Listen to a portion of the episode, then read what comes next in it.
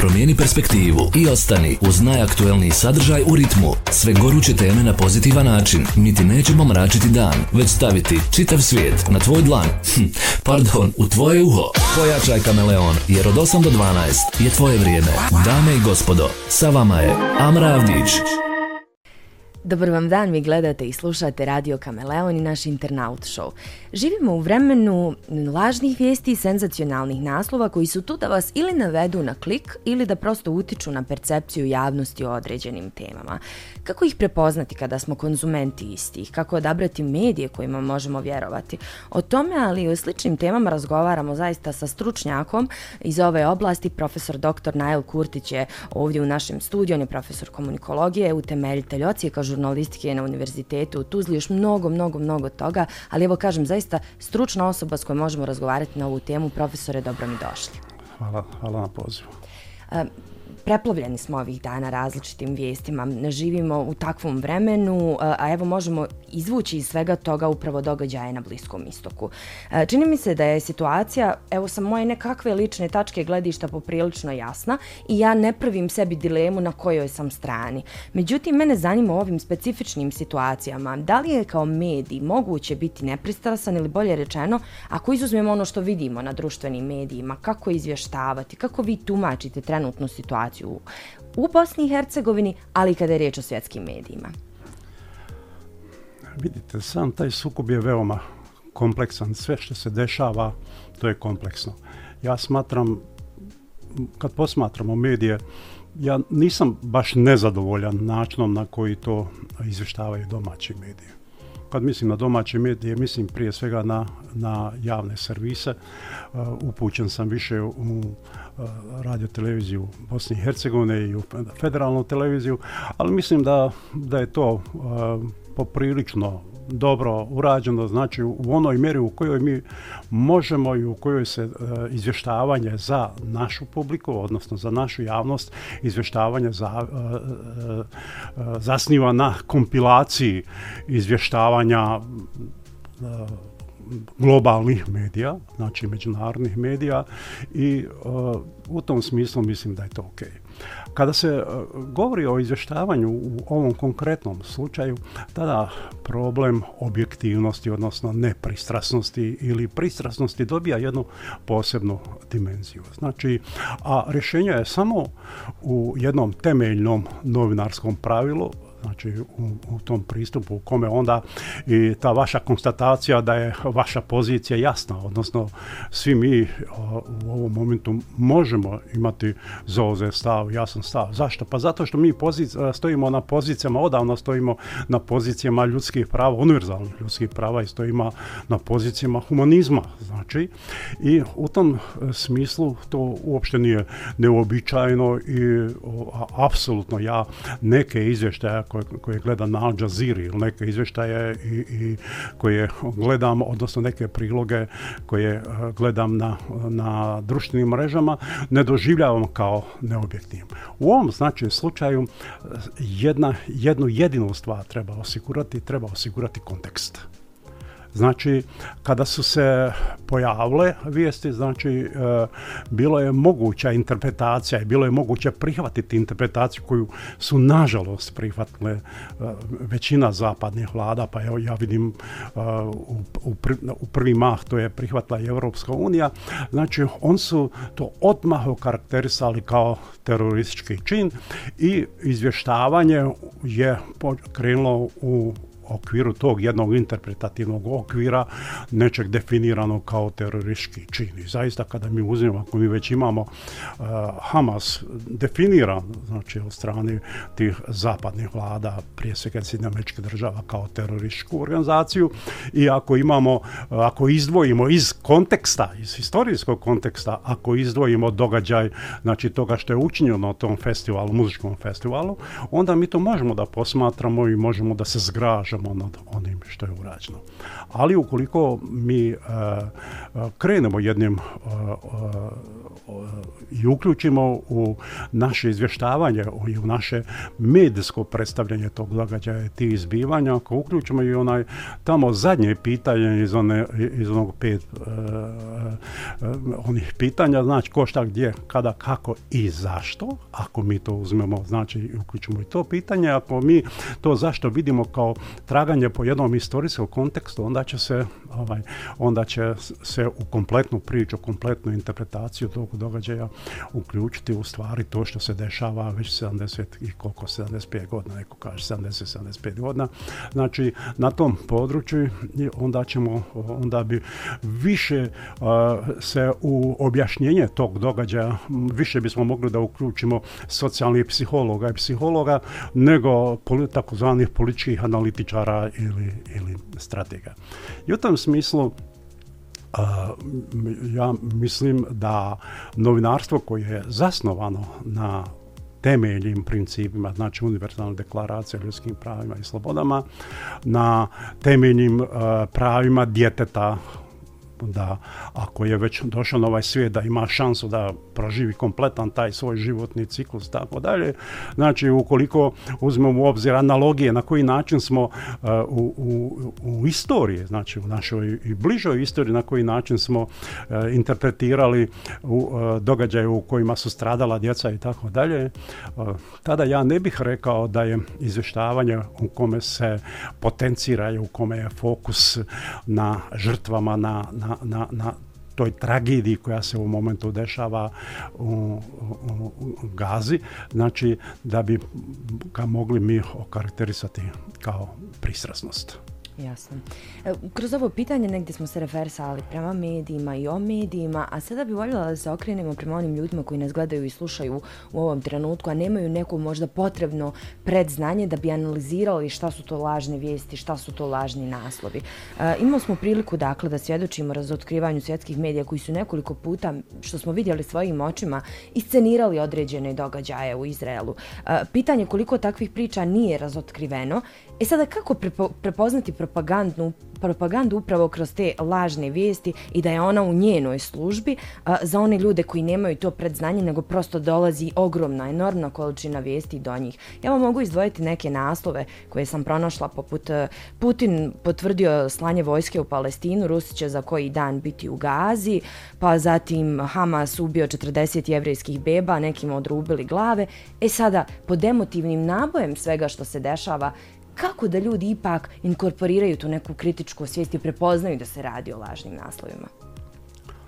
Pa vidite, u konzumaciju vijesti, znači u svakodnevno čitanje vijesti, slušanje vijesti i tako dalje, publika ulazi ne baš toliko neobrazovana, e, nije baš naša publika, i nisu baš ni čitatelji, ni gledatelji, ni slušatelji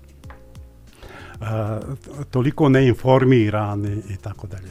Znači, e, ja većinu tih vijesti prvo prepoznajem po naslovima.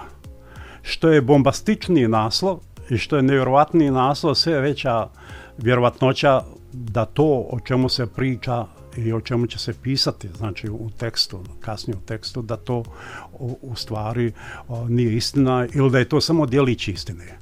Znate, a, mi smo nekada ranije učili dok smo bili studenti, dok smo bili učenici, znači u jednom predmetu opštenarodna odbrana, mi smo tamo učili vrste propagande, pa smo ih mi je dijelili na crnu propagandu, to je propaganda u kojoj nema apsolutno nikakve istine. To, je ta informacija o Putinu, znači i o, Rusima u, Gazi. Zatim, takvih je informacija, takvih vijesti je malo manje Znači, mi možemo, kada bismo sada mjerili količinu ovaj, po, to, po takvoj jednoj klasifikaciji, vidjeli bismo da je najmanje takve vijesti. Najviše oni koji se odnosi na tu takozvanu sivu propagandu. Znači, e, nešto ima istine, ali te činjenice koje su ubačene, one su prvo djelimične, one su prikazane samo iz jednog ugla, one su pristrasno odabrane i one su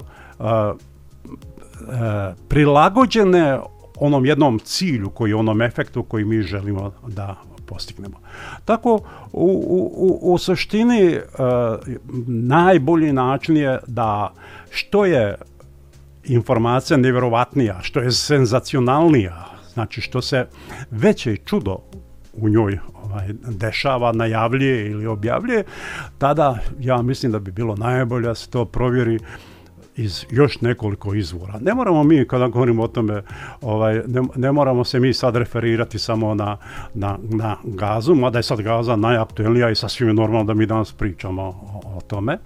Uzmimo samo ovaj, jednu informaciju koja očigledno ima propagandnu svrhu, koja se vrti ovih dana na, na e, mreži i na mrežama, znači na ovim medijima, u, kome se najavljuje spektakularno povećanje penzija, dodatno povećanje penzija od 13,9% to uz jednu lijepo odabranu sliku sadašnjeg premijera federalnog i tako dalje. Znači, to se meni učinilo privlačnim i onda sam počeo, ali nevjerovatnim, da. znate. Onda sam počeo da rovim po eh, ozbiljnim znači medijima, ja tu informaciju nisam nigdje našao na drugom mjestu.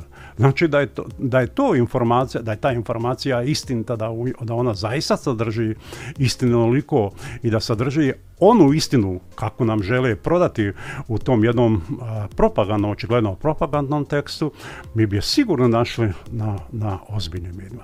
Znači, najbolji način je prvo ulaziti u današnju komunikaciju sa skepsom, Znači, skepska, taj skeptičan jedan odnos prema informacijama, prema ovaj, medijima, koji više i ne moraju biti baš u rukama profesionalaca. Znate, znači ulaziti e, skeptično, druga stvar imati pravilo da što je nevjerovatnija informacija znati da je i izvjesnije da ona nije u potnosti istinta, znači da je ona lažna, da ona ima određenu namjeru, zapitati se u čiju korist bi takva informacija mogla, mogla ovaj, da bude. Ko nam to vrijeđa zdrav um? Znači, pa nevjerovatno je da neko ko neke od, tak, od tih informacija i plasira da on baš ovaj, vjeruje da je, da, da je publika do te mjere, hajde da kažemo, neinformirana. Znači da je tako do te mjere lako vjerna i provjeriti činjenice. Najbolje provjeriti činjenice i naravno imamo nešto e, što funkcioniše u poslovnom svijetu i u stvarnom svijetu, a to je brendiranje. Znači pogledati e, u kojoj mjeri su ti mediji koji prenose tu informaciju, u kojoj mjeri su to brendirani mediji. Znači svi ti mediji, baš kao i svi mi koji imamo, imamo nekako porijeklo i tako dalje i svi ti mediji imaju nekako svoje, svoje profesionalno porijeklo, imaju neke svoje standarde i tako dalje i mi smo odavno, odavno, ovaj, u svijet se kaže žuti mediji, a mi smo govorili pištolj medije. Prema tome, ovaj, to, to je odgovor na, na ovo pitanje. Ovo su zaista konkretni savjeti i jako mi je drago da smo ih uspjeli nekako sada sažeti, to jeste da ste ih vi saželi za naše gledatelje i slušatelje. A lažne vijesti, evo kažem, nije to nešto što se pojavilo e, tek nedavno, poprilično to dugo vremena postoji. Kroz vašu e, vaše učionice prošlo je mnogo studenata i studentica, kako mislite da su lažne vijesti preoblikovale novinarstvo? Jer bi bilo nekako i naivno od nas da kažemo da nisu, ali želim vaše mišljenje kako i kako će uticati na dalji tok eh, kako se novinarstvo kao oblast razvija. Pa vidite, po nekoj mojoj strogoj, dosta strogoj konzervativnoj definiciji novinarstva, lažne vijesti nisu dio novinarstva. Jasno. Mi, mi evo, evo, baš imamo od osnovi pisanja za medije apsolutno se zna na čemu ovaj, novinarstvo je veoma, veoma jasno definirano. Od, od na međunarodnom nivou, znači, postoje međunarodne organizacije za, za medije, postoje politike Evropske unije, postoje politike, znači, koje su definirane na globalnom nivou i tako dalje. Novinarstvo prije svega se zasniva na novosti, znači na objektivno, na objektnoj, tačno prikazanoj preciznoj novosti koja je u funkciji razvoja civilizacije, bolje života ljudi, eh, humanijeg života ljudi i tako dalje. Znači ostvarivanja svih onih potencijala koje čovjek dolaskom na ovaj svijet znači ima i novinarstvo bi mu trebalo olakšati, uljepšati život tako dalje. Lažne vijesti to nisu. Znači, lažne vijesti su jedan jedan derivat, znači mogli bismo, mogli bismo reći koji e, derivat medija, medija, to jeste medijski fenomen. Znači, ali mi odavno znamo da u masovnim medijima i u kanalima javnog komuniciranja nije samo subjekt e, novinarstva. Mi imamo, mi imamo i druge oblike, pa propaganda je propaganda lažne vijesti su ili u funkciji propagande, nametanja nekih interpretacija, stvarnosti i tako dalje, izgradnje imidža, znate, pa, jer informacija koju sam ja malo prije govorio o povećanju penzije, ona je u funkciji, znači popravljanje izgradnje imidža da li je to za internu upotrebu među članama SDP-a ili, ili trojke ili je to mm, ovaj, malo šire, znači da, da li je to u funkciji možda već priprema za nekakve o, lokalne izbore i tako dalje, to je druga stvar. Znači, i one su u, u, u, funkciji ostvarivanja baš jednog nekog onog praktičnog interesa. A šta je praktični interes? Praktični interes je u stvari komercijalni interes. Vidite, ljudi, nažalost, pojedinci, i nažalost istraživanja pokazuju da ih pojedinci sa veoma visokim e, stupnjem obrazovanja, izuzetno su skloni, e, njih izuzetno privlače nevjerovatne, neobičajene stvari. Znači, njih, njih privlači, zaista informacija da je čovjek opsa. Znači, i šta, kako danas stvari funkcionišu društvene mreže? Lažne vijesti nije bilo dok se nisu pojavile pojavila mrežni mediji. Znači, dok se nije pojavila mogućnost da faktički sa veoma malo para vi danas možete imati svoj medij. I kako će taj medij, taj medij će biti čak ekonomski isplativ ukoliko se povećava broj posjeta e, na raznorazne načine, znači ukoliko taj vaš medij Google prepoznao kao jedan od kanala oglašavanja. Koji njemu danas... Normalno, normalno. A, dakle, e, to hoće li vas prepoznati kao kanal oglašavanja, kao jednu platformu na kojoj će on onda da zakupljuje prostor i da, da vam daje novac, to zavisi od posjećenosti i od šerovanja vaše stranci. A, a sad malo prije smo rekli da ono što je nevjerojatno, a nevjerovatno je ono što je lažno, po pravilu je to nevjerovatno, znači ovaj, to onda privlači, pa, privlači pažnju i to na jednoj strani znači čini vaš medij, čini isplativim to što vi radite, što lažete na svom kanalu, toj informaciji koju plasirate, a na drugoj strani oni koji to posjećuju koji to lajkaju, koji to šeruju i tako dalje, koji to čitaju. Znači, oni ostavljaju te svoje takozvane digitalne tragove. I onda e, Google, on u stvari prodaje te informacije o nama, o, onim ljudima koji, koji interesuje sada. Znači, mene možda ne, interes, ne interesuju laži o, o, o ovaj, o Gazi. Ili me ne interesuje možda laži o Ukrajini. Mhm. Jer ja znam, svaki rat i svaki ratni sukob, to je u stvari 50% je sukob riječima, lažima, dezinformacijama, opsjenama i tako dalje. Ali interesu me neka druga informacija. Evo, interesuje me, na primjer, informacija o mogućem povećanju penzija. Mhm. E vi sada, kada pronađete ovu informaciju o povećanju penzije dodatno 13,9%, pogledajte sada koje reklame idu uz tu informaciju. Deset narednih reklama je u stvari jedan lijek za nešto što muči uglavnom tu populaciju penzionera koji interesuje već na penzijama.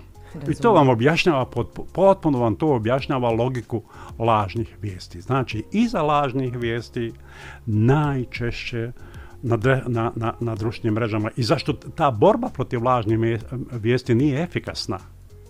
i zašto uglavnom sad e, te korporacije koje se e, bave mrežama na kraju odustanu od nekog svog opredjeljenja da, da ovaj, se suprostave lažnim vijestima, u stvari tu se krije ogroman ekonomski interes. Mi komuniciramo ovih dana, ali i prethodnih nekoliko mjeseci, a mnogo je događaja kako u Bosni i Hercegovini, tako i u regionu, bilo aktuelno, nažalost radi se o tragičnim događajima i komuniciramo sa našim slušateljima i oni kažu ja sam odlučio ili odlučila da više ne čitam ništa, da isključim sve jer ja to ne mogu da podnesem. E sad, mi nismo tu da dajemo dozvolu da li je u redu da se neko isključi potpuno iz tog svijeta ili ne. Međutim, koliko je odgovorno ili neodgovorno na neki način isključiti se i ne informisati se o stvarima koji se dešavaju oko nas? Prvo, to je jedna logična prirodna reakcija ako vi u oktobru ili u novembru mjesecu izađete e, samo u košlje i rukava vani i mislite tada bit pet minuta i prehladite se, onda idući put kažete ja više neću izlaziti tako se sad obući. Ali bilo bi interesantno doći do te publike, na primjer, za mjesec dana. Pa da, da vidimo da li su uspjeli da se isključe. Istina. Jednostavno, to je ambijent. Znači, taj novomedijski ambijent, prije svega novomedijski ambijent, on je, on, nas je do te mjere determinirao, definirao, ovaj, da mi se tome ne možemo oduprijeti. Ja jednostavno sumnja da se mi ovaj, tome možemo oduprijeti. Ja, ja sam tu skeptičan, znači da se tako nešto može desiti. Naravno, ima jako mnogo neinformiranih odluka jako mnogo ima neinformiranih odluka. U istoriji ima veoma mnogo istorijskih, e, veoma tragičnih događaja koji se desili radi odluka koje u tom momentu nisu bile potkovane sa dovoljno informacija. Da li se htjeli informisati ili, ili, nisu, da li su e, imali od koga se informisati, odakle i tako dalje, pa uzmo samo drugi svjetski rat, uzmo samo eh, njemački poraz eh, pred Stalingradom ili, ili njihov inače poraz u, u, ovaj, u Sovjetskom savezu, u kome samo neuzimanje u obzir informacija o vremenskim prilikama koje će uslijediti za 3, 4 ili 5 mjeseci je u stvari odredilo kompletan ishod tog ovaj, događaja.